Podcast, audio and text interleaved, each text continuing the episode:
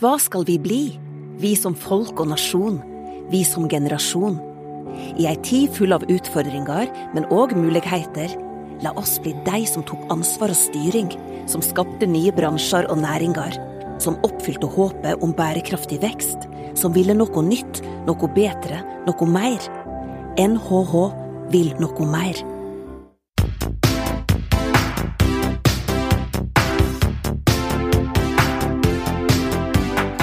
Velkommen til en ny episode av Ledertaffel, NHHs podkast om ledelse. I denne podkasten kaster vi et blikk på aktuelle tema innen organisasjon og ledelse. Vi diskuterer hva forskningen sier, og vi kommer med noen av våre tanker om hva ledere kan gjøre annerledes for å lykkes der de er.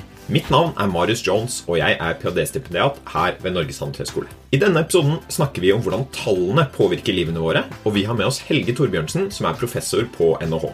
Helge er ute med en ny bok som heter Tallskalle, og vi snakker om bokas innhold.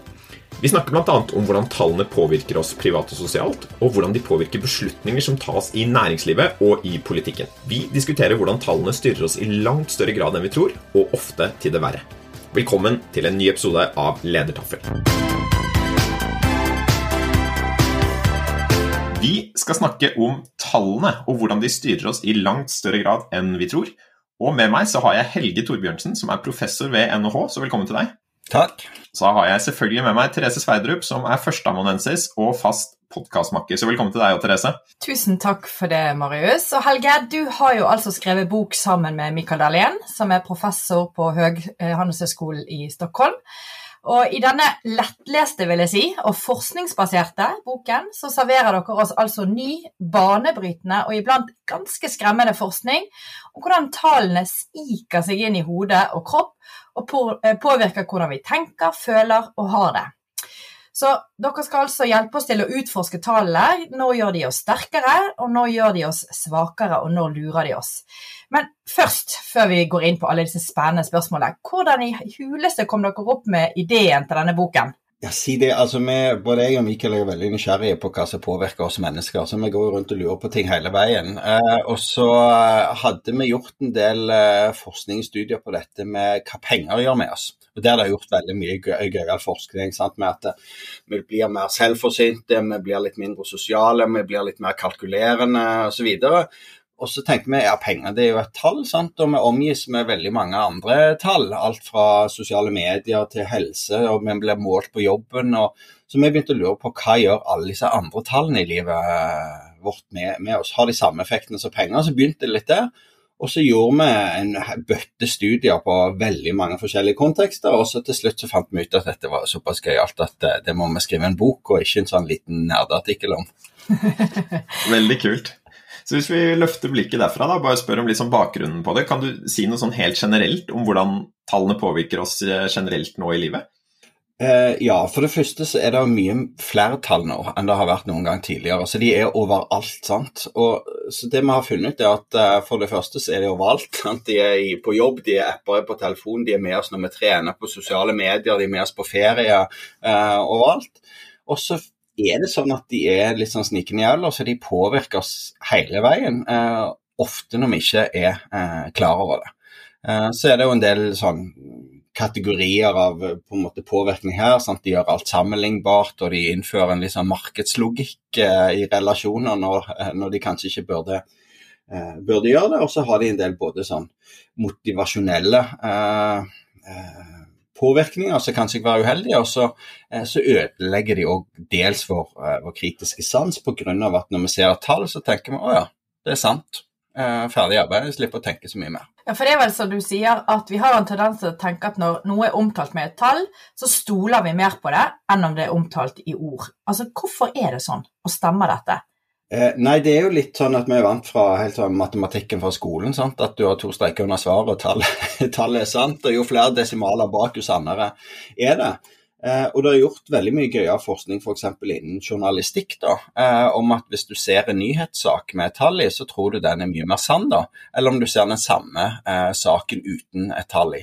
Eh, og så er det jo også sånn at vi bearbeider budskapet i mindre grad. Vi leser teksten mindre, og vi ser mindre på bilder når det er tall eh, sant, i en, i nyhetssak. Og det samme finner vi jo på når det gjelder altså vurdering av produkter og og tjenester, som har gjort en del gøyale studier f.eks. På, på hotellvurderinger, sånn å se på booking.com og TripAdvisor og sånt. Og så, så, manipulerer vi da om de har gode tall og dårlige verbale beskrivelser. Eller eh, dårlige tall, altså en dårlig snittvurdering, og helt fantastiske verbale beskrivelser. Eh, og så finner jo systematisk da at eh, disse tallene spiser, spiser for så vidt eh, ordene til frokost, sånn at vi, vi velger tallene og stoler mer på tallene enn en ord. Og Det er jo interessant, for det er mye mer informasjon i en sånn beskrivelse av et hotell. ikke velg det rommet, eller her er det masse, er det masse støy fra diskotek, eller hva det måtte være. sant? Men likevel så, så, så tror vi mer på, på tall. Og Det er jo veldig interessant. Altså, jeg får jo lyst til å spørre altså litt sånn hypotetisk. Du sier vi tror mer på tallet.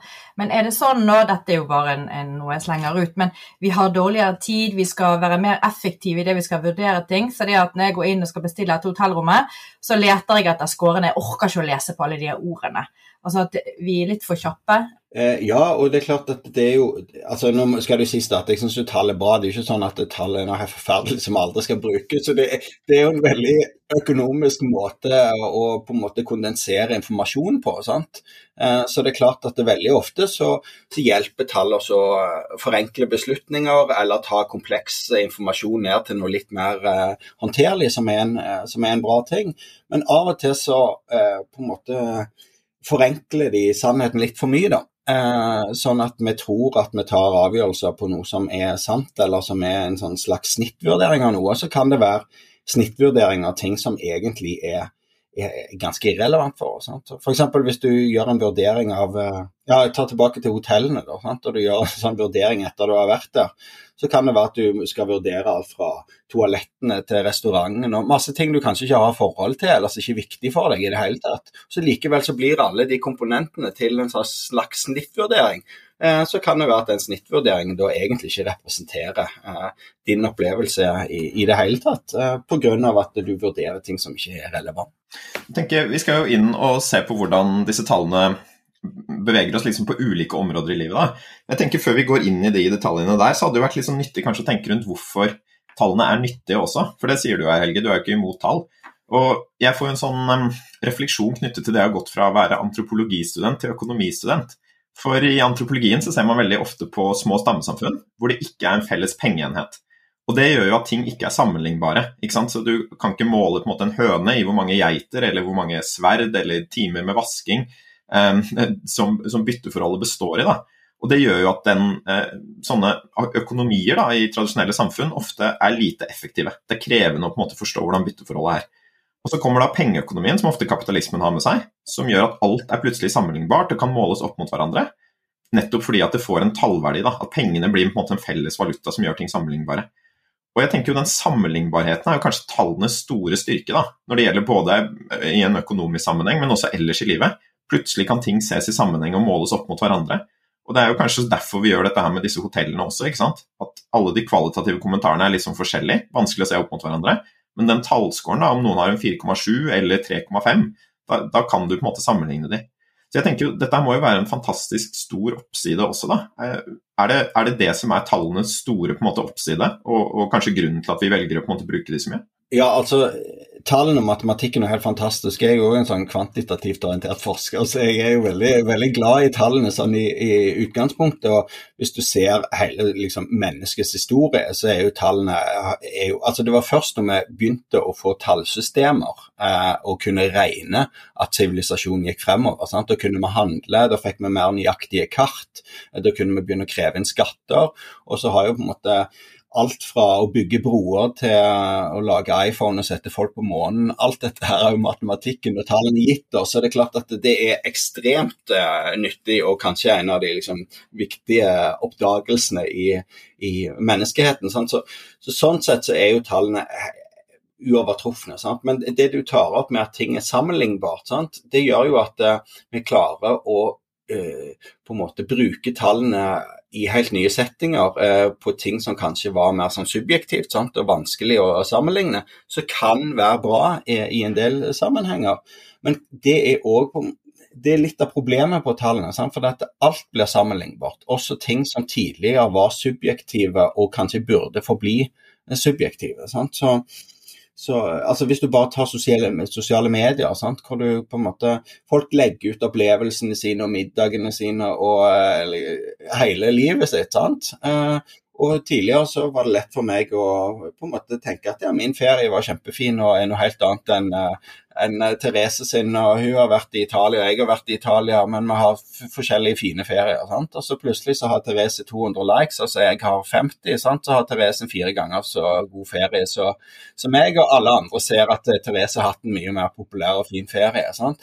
Så, så det, det, er litt sånn eh, Det at det er sammenlignbart, gjør òg at eh, måte, både de som har lave og høye tall, får litt sånn negative psykologiske effekter av det. Sant? For eh, De som har lave tall, de sammenligner seg oppover og blir litt lei seg og føler seg litt uh, utfor.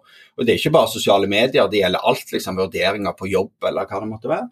Og de som har høye tall, de får de samme litt negative effektene som penger har på oss mennesker. Med at vi blir litt sånn selvforsynte og sjøl nok og trenger ikke så mye hjelp. Og uh, ja, kanskje blir litt mer uh, litt mer sånn kalkulerende og kanskje kyniske da, i, i måten vi I siste instans blir vi sånn narsissister hele gjengen sant, Så går og speiler oss i tallene våre.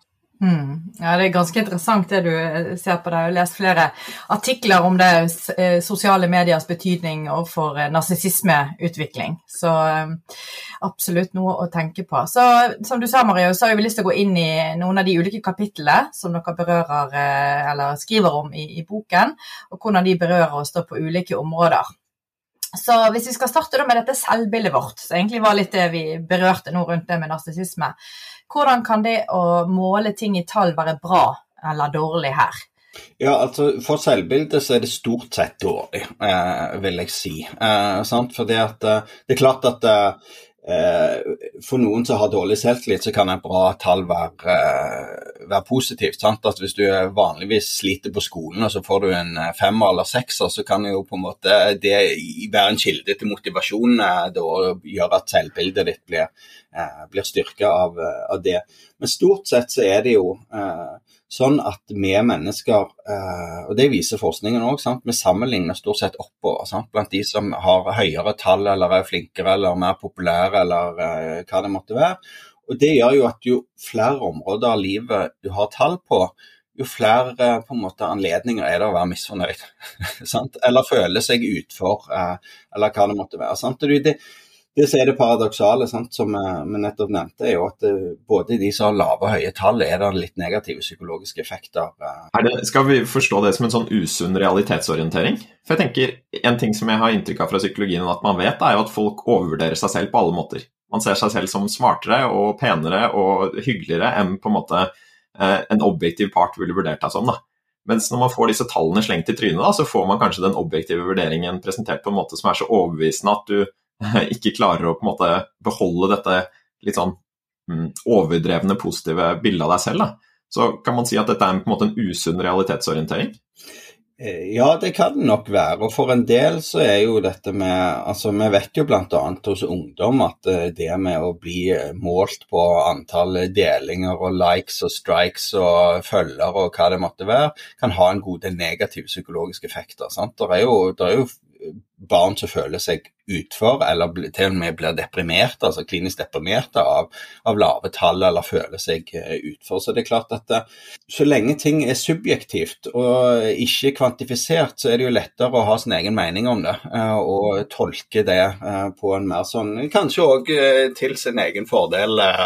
sant? Men når tallene dukker opp, så, så blir det veldig hardt og sammenlignbart. Og så innfører det på mange måter konkurranse på arenaer som egentlig ikke var liksom, tenkt å være konkurranse. Det, altså hvor mange venner du har, eller hvor mange som liksom klapper, står og klapper når du legger ut middag, er, altså, det er kanskje ikke sånn vi tenkte at dette skulle, skulle være. da.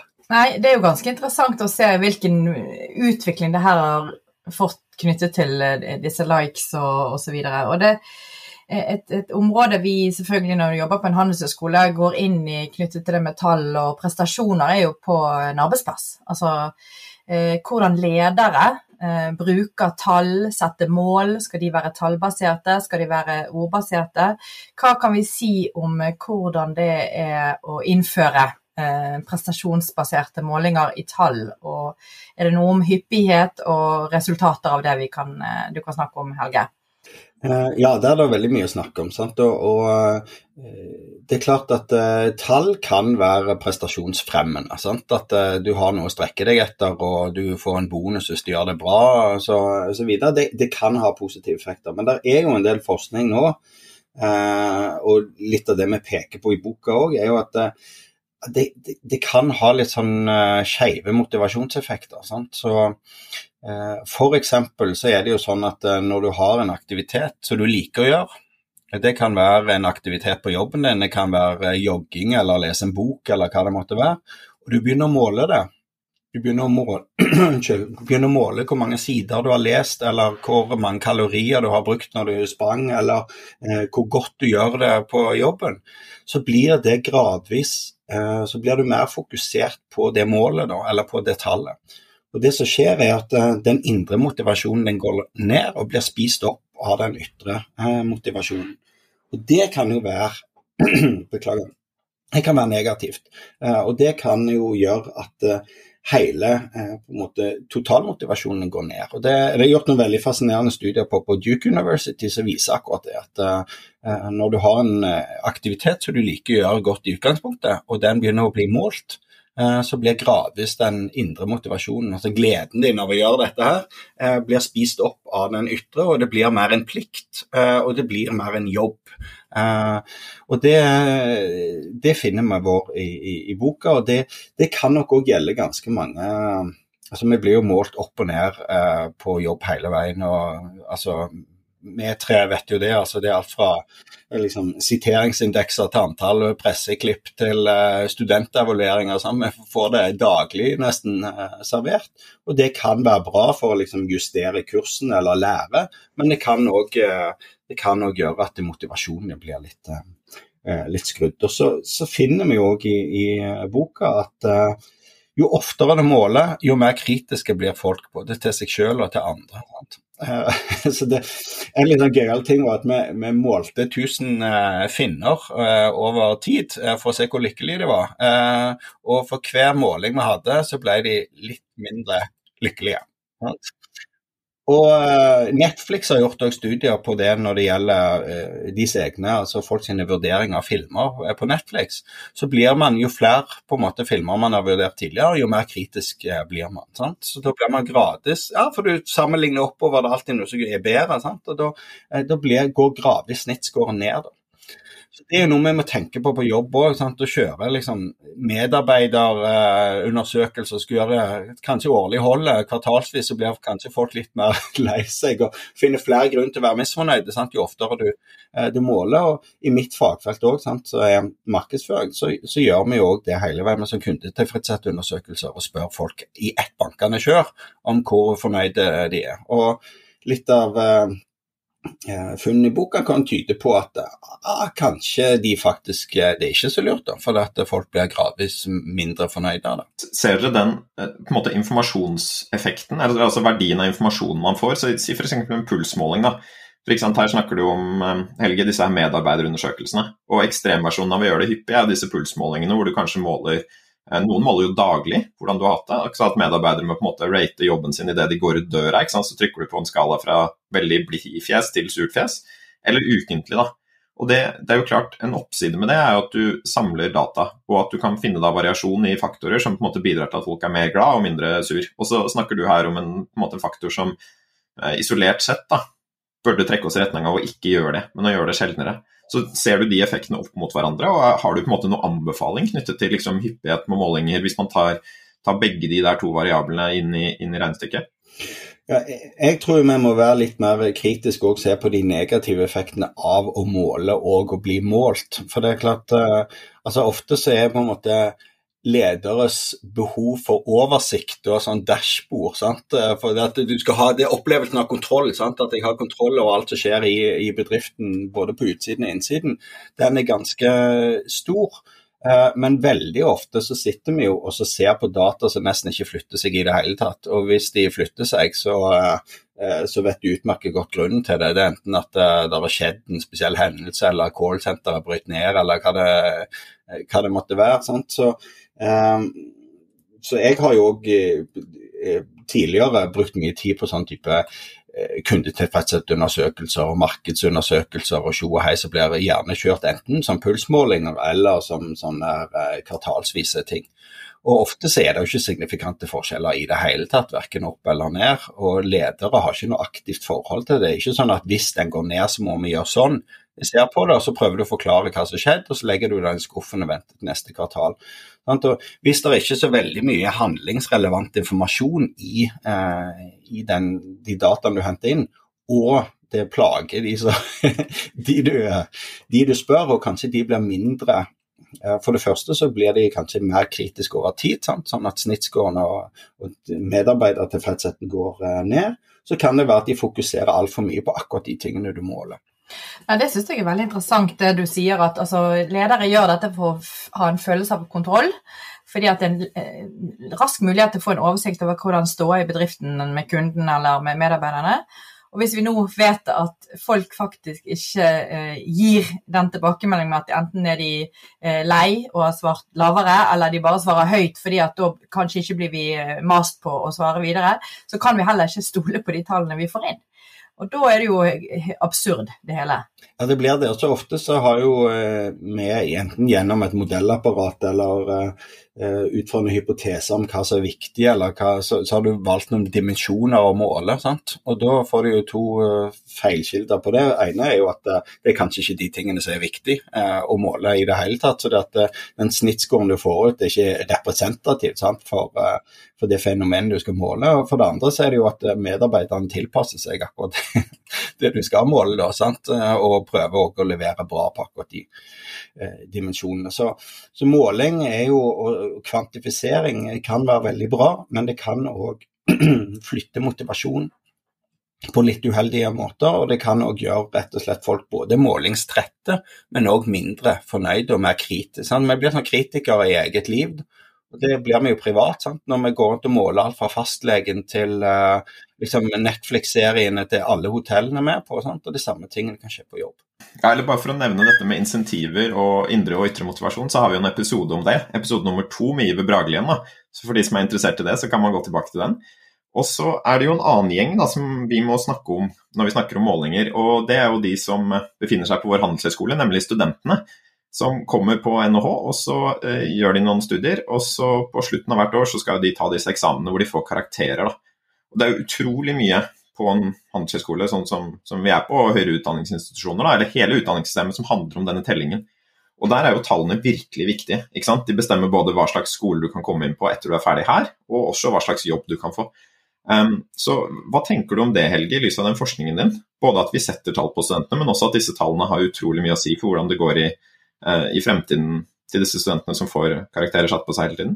På en skole så må du jo vurdere folk, sant? eller studentene. Eh, så det at, det at, du har karakterer er jo kanskje ikke så farlig i seg selv når de er så store som de er, eller gamle som de er her på Handelshøyskolen. Det er kanskje farligere en del av motivasjonseffekten når du er langt ned i barneskolen da, eh, og, og måler ting og begynne på en måte å dele inn folk i gode og dårlige da, altfor for tidlig. Men én uh, ting er jo at det er mange feilkilder, uh, feilkilder med det. Men uh, det, det, er jo sånn så Det er litt den samme innvendingen jeg får ofte når jeg snakker med boka om folk som er veldig glad i tall og matematikk, sant? og så sier de men hva er alternativet? sant? Uh, og det, Ofte så er det ikke et veldig godt alternativ til uh, tall. og på, på, karakterer så, Nå har vi jo prøvd å skjule det og ikke kalle tall lenger, men A til F. Sant?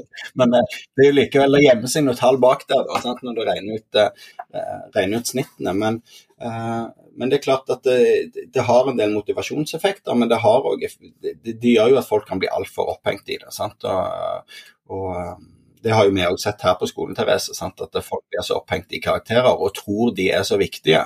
Sant? På grunn av at det er det de ser hele veien. Sant? Og En arbeidsgiver ser ikke nødvendigvis kun på karakterene. de ser på det. Mange av de gjør det, da. Eller altså, jeg bare tenker at Vi må være litt sånn forsiktige med å på en måte si at dette er studentene som overvurderer viktigheten av karakterer. For det er jo ganske mange arbeidsgiverne som studentene skal søke seg til etterpå, som kaster alle søknader som er under B i snitt. Ja da, og, det og så liksom- jeg tenker også, Det er litt sånn spennende det vi sier med at vi må på en måte, karaktersette studentene. da.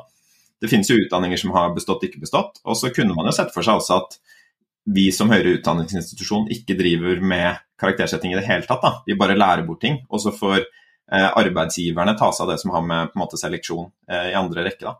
Så jeg, jeg vet ikke om måte disse nedsidene er så betydelige, Helge, at, at vi burde tenke mer på den måten der. da. Akkurat i boka har vi ikke sett så veldig mye på det med karakterer. Det er gjort ganske mye forskning sant, rundt eh, positive og negative effekter av, av karakterer. Så, så, igjen så blir det litt sånn hva er alternativet? sant? Hvis du dytter hele den kostnaden over på arbeidsgiver, så får du jo, eh, da får du jo kanskje bare enda mer uheldige målesystemer eh, i andre enden. da, sant? For alle, alle av oss har vært utsatt for ulike sånne personlighets- og ferdighetstester og sånt. Det er ikke sikkert at liksom summen av det ville vært noe bedre enn eh, fire-fem år med karakterer på NHH. sant? Mm. Nei, det blir et behov for å gjøre ting sammenlignbart også der. Uansett. Ja. Mm. Nei, Jeg tenkte på et, på et annet spørsmål da, som jeg også syns er litt sånn interessant i forhold til dette på arbeidsplassen. Eh, Jeg hadde jo en eh, karriere som konsulent og jobbet da litt med sånn HR Analytics. Og det handler jo veldig mye om å på en måte prøve å sammenligne folk med hverandre. Vi har jo snakket litt om det. da. Og eh, Da fikk jeg inntrykk av at en av grunnene til at det er vanskelig å få til HR Analytics, er at det ofte gir deg informasjon du ikke vil ha. Så hvis du begynner å gjøre, sammenligne folk, så kommer du kanskje til å se f.eks. at prestasjoner og hvem som får høyest lønn, da, ikke samsvarer så godt som man kanskje kunne tenkt. da. Og Hvis man begynner å samle informasjon, så blir det også et um, krav kanskje fra medarbeidere om at denne informasjonen skal være transparent og synlig og tilgjengelig for folk. da. Og Da kan den avsløre en del ting i organisasjonen som kan være litt ubehagelig, for da må de faktisk adresseres. da. Um, så dette ligner jo kanskje litt på det der argumentet som jeg hadde i forhold til dette her med hvorfor det er negativt for selvbildet. da. Det gir oss informasjon som vi er best foruten. Så jeg, jeg lurer på, Tenker du også det at det er sånn det funker på arbeidsplassen, Helge? At uh, når vi begynner å sette tall på ting, så kan det være uheldig fordi at vi må forholde oss til en del ting som vi slipper å forholde oss til når vi ikke kvantifiserer det? F.eks. hvem som er den beste medarbeideren? Ja, det er åpenbart. Og så er det jo òg sånn at uh, vi må slutte å tro at tallene er sanne. For det at uh, I de HR Analytics-verktøyene som du nevner, sant, så ligger det jo noen forutsetninger bak her, og noen algoritmer som regner ut uh, ting. og Det er ikke sikkert at de måler ting presist, og de kan òg være veldig skeive. Når du får den type uh, tall fra HR Analytics eller hva det måtte være, der, så, så kan det jo være veldig mange feilkilder til det. Det kan være metodeapparatet som er feil, det kan være tallene som kommer inn som er feil. Eh, og så kan jo de òg bli tolka feil i andre enden. Sant? Så vi må på en måte slutte å tro at tallene er sanne. Og Det som skjer da, er jo som du sier, at enten så velger du å si at ja, disse tallene er feil, sant? og legger du de vekk. Eller så sier du at uh, disse her tallene de uh, de, de, de, måler noe annet, eller de uh, Dette må ikke komme frem. Så. Vi må ikke vise dette til organisasjonen. Uh, og da har det jo heller ikke så veldig stor verdi. nå.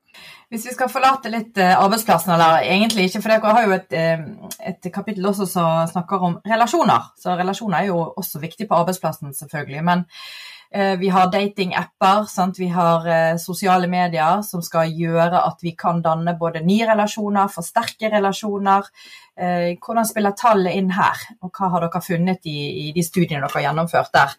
Det, ja, det er jo litt det samme som med selvbildet. Sant? At de, mm. tallene innfører en slags markedslogikk.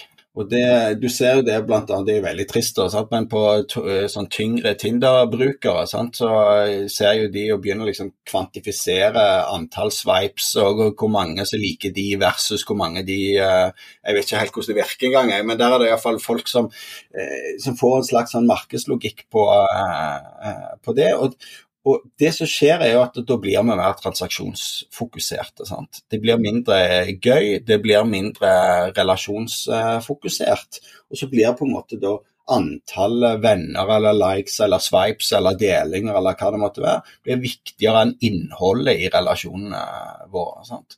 Som er jo en litt sånn uh, trist uh, greie. Sant? Og vi har jo relasjoner til både mennesker rundt oss, men òg til, altså, til alt fra rørleggerbedriften som kommer hjem og skal liksom hjelpe deg til fastlegen, til læreren hvis vi setter karakterer på de hele veien, sant? bare spør fastlegene hvor kjekt de syns det er med disse her vurderingene, så, eh, så, gjør jo det òg noe med, eh, med relasjonen, at de blir på en måte mer en sånn transaksjoner de blir mer sånn markedsutsatte. Og det, det, vet vi jo fra forskning, at uh, hvis folk har et relasjonsfokus, så oppfører de seg forskjellig fra om de er mer uh, sånn transaksjons- eller markedsfokuserte. Det. og det, det, vi finner i boka, er jo at jo mer folk der, jo mer taller er i relasjonene, jo mer umoralske blir vi. Og det er jo litt sånn, eh, sånn vi, vi, eksponerer folk for ulike sånn type moralske scenarioer. Og så finner vi jo da at jo mer tall er til stede, eller jo mer opptatt folk er av tallene i, eh, i livet sitt, jo dårligere gjør de det på disse moralske beslutningstakingene. Og det er nok pga. at uh, du får mer sånn eh, transaksjonsfokus. Eh, det, det, er jo noen forskere i Hongkong som har gjort noen studier på det, hvor de får folk enten til å løse en verbal oppgave eller en matematikkoppgave. Og så finner de som gjør matematikkoppgaven, sant, som er tall, er jo at de, de da er, lyger mer og er mindre villige til å dele i sånne spill eh, i etterkant. Har du noen sånne forklaringer på det, hvorfor det skjer? Hva er det som gjør at tall gjør oss umoralske? når... Nei, det, det, det, er nok det med at du får en sånn transaksjonsmarkedslogikk eh, inn i et område av livet hvor du egentlig ikke burde ha den. Mm. Eh, dere tar jo også en del opp i, i, boka om hvordan tallene påvirker samfunnet vårt. Da. Og Det sa du jo også, Helge, at um, tall ofte får siste ordet når både bedriftsledere, men også dommere og politikere og byråkrater da, skal fatte viktige beslutninger. Mm. Så Hvilke implikasjoner tror dere det har for eh, samfunnet vårt? Eh, nei, det er jo For det første at tallene får en altfor stor rolle, og at vi tror at tallene er en slags fasit. sant? Eh, alle som har sett en politisk debatt, er at når den første kommer dragen med et tall, sant, dør debatten litt, med mindre noen kommer opp med et annet eh, tall. sant?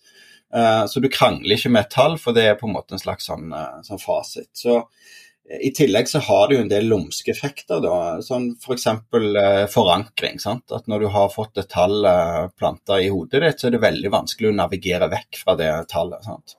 Eh, så kan du si at ja, det, sant, det gjort mye gøyal forskning på det, på hva, alt, liksom, hva, folk tror er frysepunktet til vodka til gjennomsnittstid på et samleie. Sant? Det er kanskje ikke sånn kjemperelevant, men det er jo gjort veldig mye forskning på andre settinger i samfunnet hvor dette, dette med forankring er et stort problem. F.eks. da i straffeutmålinger. Sant?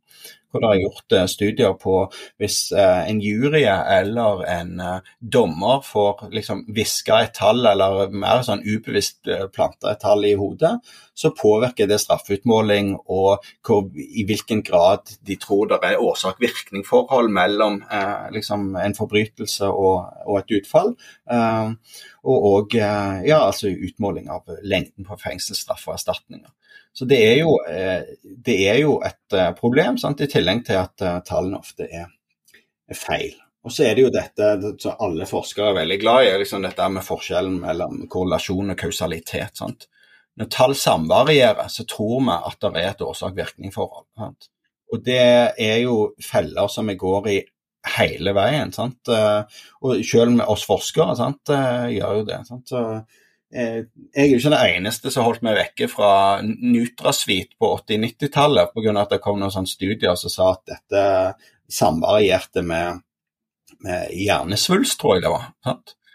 Eh, så det en sånn klassisk metodisk feil, da, pga. at de hadde ikke kontrollert altså På 80-90-tallet så var det veldig mange andre ting som økte òg. Liksom antallet Donkey Kong og uh, Walkmans og veldig mye som økte i den perioden. Så, og der klarte de jo ikke da å etablere et sånn årsak-virkningsforhold. Så, så, når ting ligger veldig sånn konseptuelt nært, altså særlig politiske debatter og rundt når vi sitter og diskuterer ting rundt stuebordet om ting som samvarierer, så tenker vi hele veien at det, det her er det et årsak-virkning-forhold. Og Det er jo tall som lurer oss, da. Jeg tenker Både i næringslivet og i samfunnet da, så er det jo eh, Dette er jo noe som er kommet for å bli. altså Datadrevne beslutninger kaller vi jo det ofte når man bruker kvantitativ data. Og Nå har du jo big data, altså at du samler data på flere ting. Og så har du jo sånne maskinalgoritmer og kunstig intelligens som også hjelper oss å på en måte eh, gjøre rede for disse tallene, eller analysere tallene. da. Så dette kommer vel til å gå i en retning av mer bruk av analyser, da, som ofte beskrives som en veldig bra ting da, i beslutningstaking. Så du, blir du skeptisk, Helge, til type baked data og sånn der uh, algoritmestyrt uh, beslutningstaking? Ja, altså delvis så blir jeg jo Altså algoritmestyrte beslutninger, det kan jo være kjempefantastisk. sant? Altså Du har jo f.eks. innenfor medisinsk diagnostikk så har du jo helt utrolige muligheter nå sant, for pre presise diagnoser basert på, eh, på sånn svære svære datasett. Så, så det er jo selvfølgelig Fordelene oppveier nok ulempene. Men algoritmene har den samme skjevheten som oss mennesker, at vi tror mer på tall enn ord. Sant? Så det, uh, det som skjer, er jo at tallene får en enda større betydning. Og hvis de er feil eller skeive, eller baserer seg på ting som ikke da er helt uh, representerer virkeligheten, så får du jo skeive utfall der òg. Så igjen, hvis du tar dette her med ja, altså hotellvurderinger der hvor vi tror mer på tall enn på ord, så først gjør jo vi mennesker den skjevheten, at vi tror mer på tallene enn på ordene. Og så kommer jo algoritmene inn og så rangerer disse hotellene og presenterer de til oss sant, basert på, på, tallene. Så får de da en enda større effekt. Eh, det blir jo fristende å spørre deg, Helge. Hva har det gjort med deg eh, å skrive en bok om tallenes betydning i eget liv? Altså For det første så har jeg lært veldig mye, og det er jo kjempegøy i seg selv å grave seg ned noe helt eh, helt nytt. Og så er jeg jo litt sånn eh, overraska egentlig over hvor robuste effekter vi fant, og hvor mye tallene liksom betyr på så mange domener av livet vårt, både privat og på, på jobb.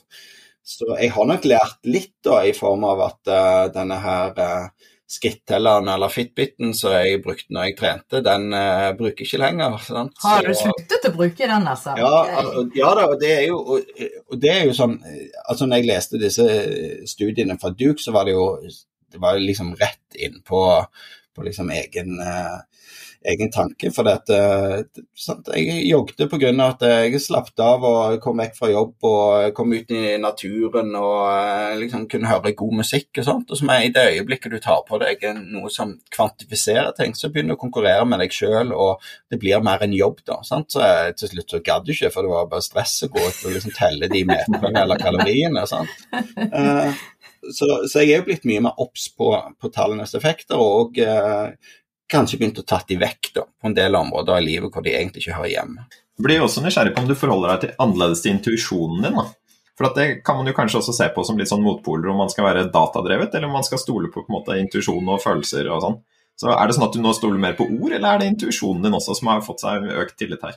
Den er jo vanskelig å knekke da, for en sånn eh, kvantitativ orientert forsker som har gjort eksperimenter hele livet. Så det er klart at eh, jeg, jeg stoler nok enda mer på på fakta og tall enn på subjektive vurderinger og intuisjon. Det gjør jeg nok, men jeg er blitt enda mer kritisk til eh, de dataene som jeg baserer beslutningene mine på. da, Og funnet ut at jeg har jo akkurat de samme bekreftelsesskjevhetene som alle andre. Sant? Så når jeg uh, leser en sak, så tror jeg mer på tallene enn på ordene. og eh, jeg har jo også funnet ut at jeg er veldig selektiv når jeg leter etter informasjon, for jeg prøver å finne de tallene som støtter mine egne antakelser. som er skeptisk generelt, da høres det ut som det. Ja. men, men, vil du da si, eh, her er det jo ulike ting du eh, ja, har endret både omfatning på, hvordan du vurderer ting, at vi da, som skal gå etter deg, hvis vi skal kalle det sånn, at her er det, er det håp? Er det sånn at eh, det krever mye justeringer for å få et bedre forhold til tall, og ikke la oss bli så styrt av tall i den negative retningen, eller bør vi heller slutte å måle ting? Altså, hva, hva er utkommet av dette?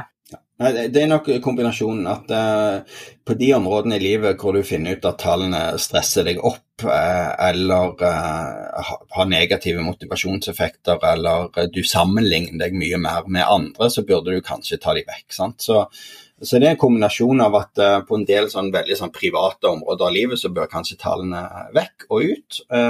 og så må du bare være litt mer kritisk til det. Altså, sånn som jeg sa i innledningen òg, er jo veldig glad i tall, og tallene har gjort helt fantastiske ting for menneskeheten. Så vi må ikke liksom gå andre hjørneløsningen her.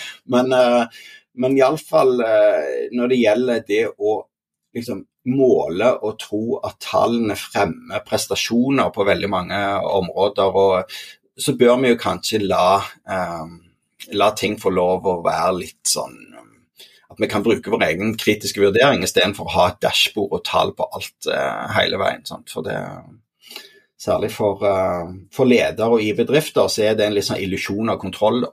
Kanskje vi skal avslutte akkurat der, da, Helge. Hvis vi fortsetter den tankerekken. Har du tre tips til ledere om, om, hva de kan gjøre for å på en måte forbedre sitt forhold til tall? De kan jo eh, for det første vurdere hvilke områder i sitt eget liv og i bedriften i det hele tatt bør eh, målet. Og så bør de være mer eh, kritiske i forhold til eh, om tallene måler det de faktisk skal måle, og hvilke motivasjonseffekter det har. Mm. Og så For det tredje så bør de jo sette seg i skoene til de som blir målt, eh, og finne ut om det kan både ha negative effekter, og om de kanskje burde måle det litt sjeldnere enn de faktisk eh, gjør. Eh, og om det er kanskje andre måter å hente den informasjonen på enn å få folk til å tallfeste ting i sånn standardiserte format hele veien. Veldig bra. Det tror jeg vi skal ta med oss alle sammen. Kult. Takk for en eh, strålende samtale. Og takk for at du kom, Helge. Og takk for at du var med nå også, Therese. Tusen takk. Veldig kjekt. Bare hyggelig. Du har nå hørt en ny episode av Ledertaffel, NHHs podkast om ledelse. I studio i dag var Helge Torbjørnsen, Therese Sveidrup og meg, Marius Jones. Om du vil vite mer om hva vi holder på med på Norges handelshøyskole, så finner du oss på nhh.no og ved å søke på NHH på Facebook. Vi høres.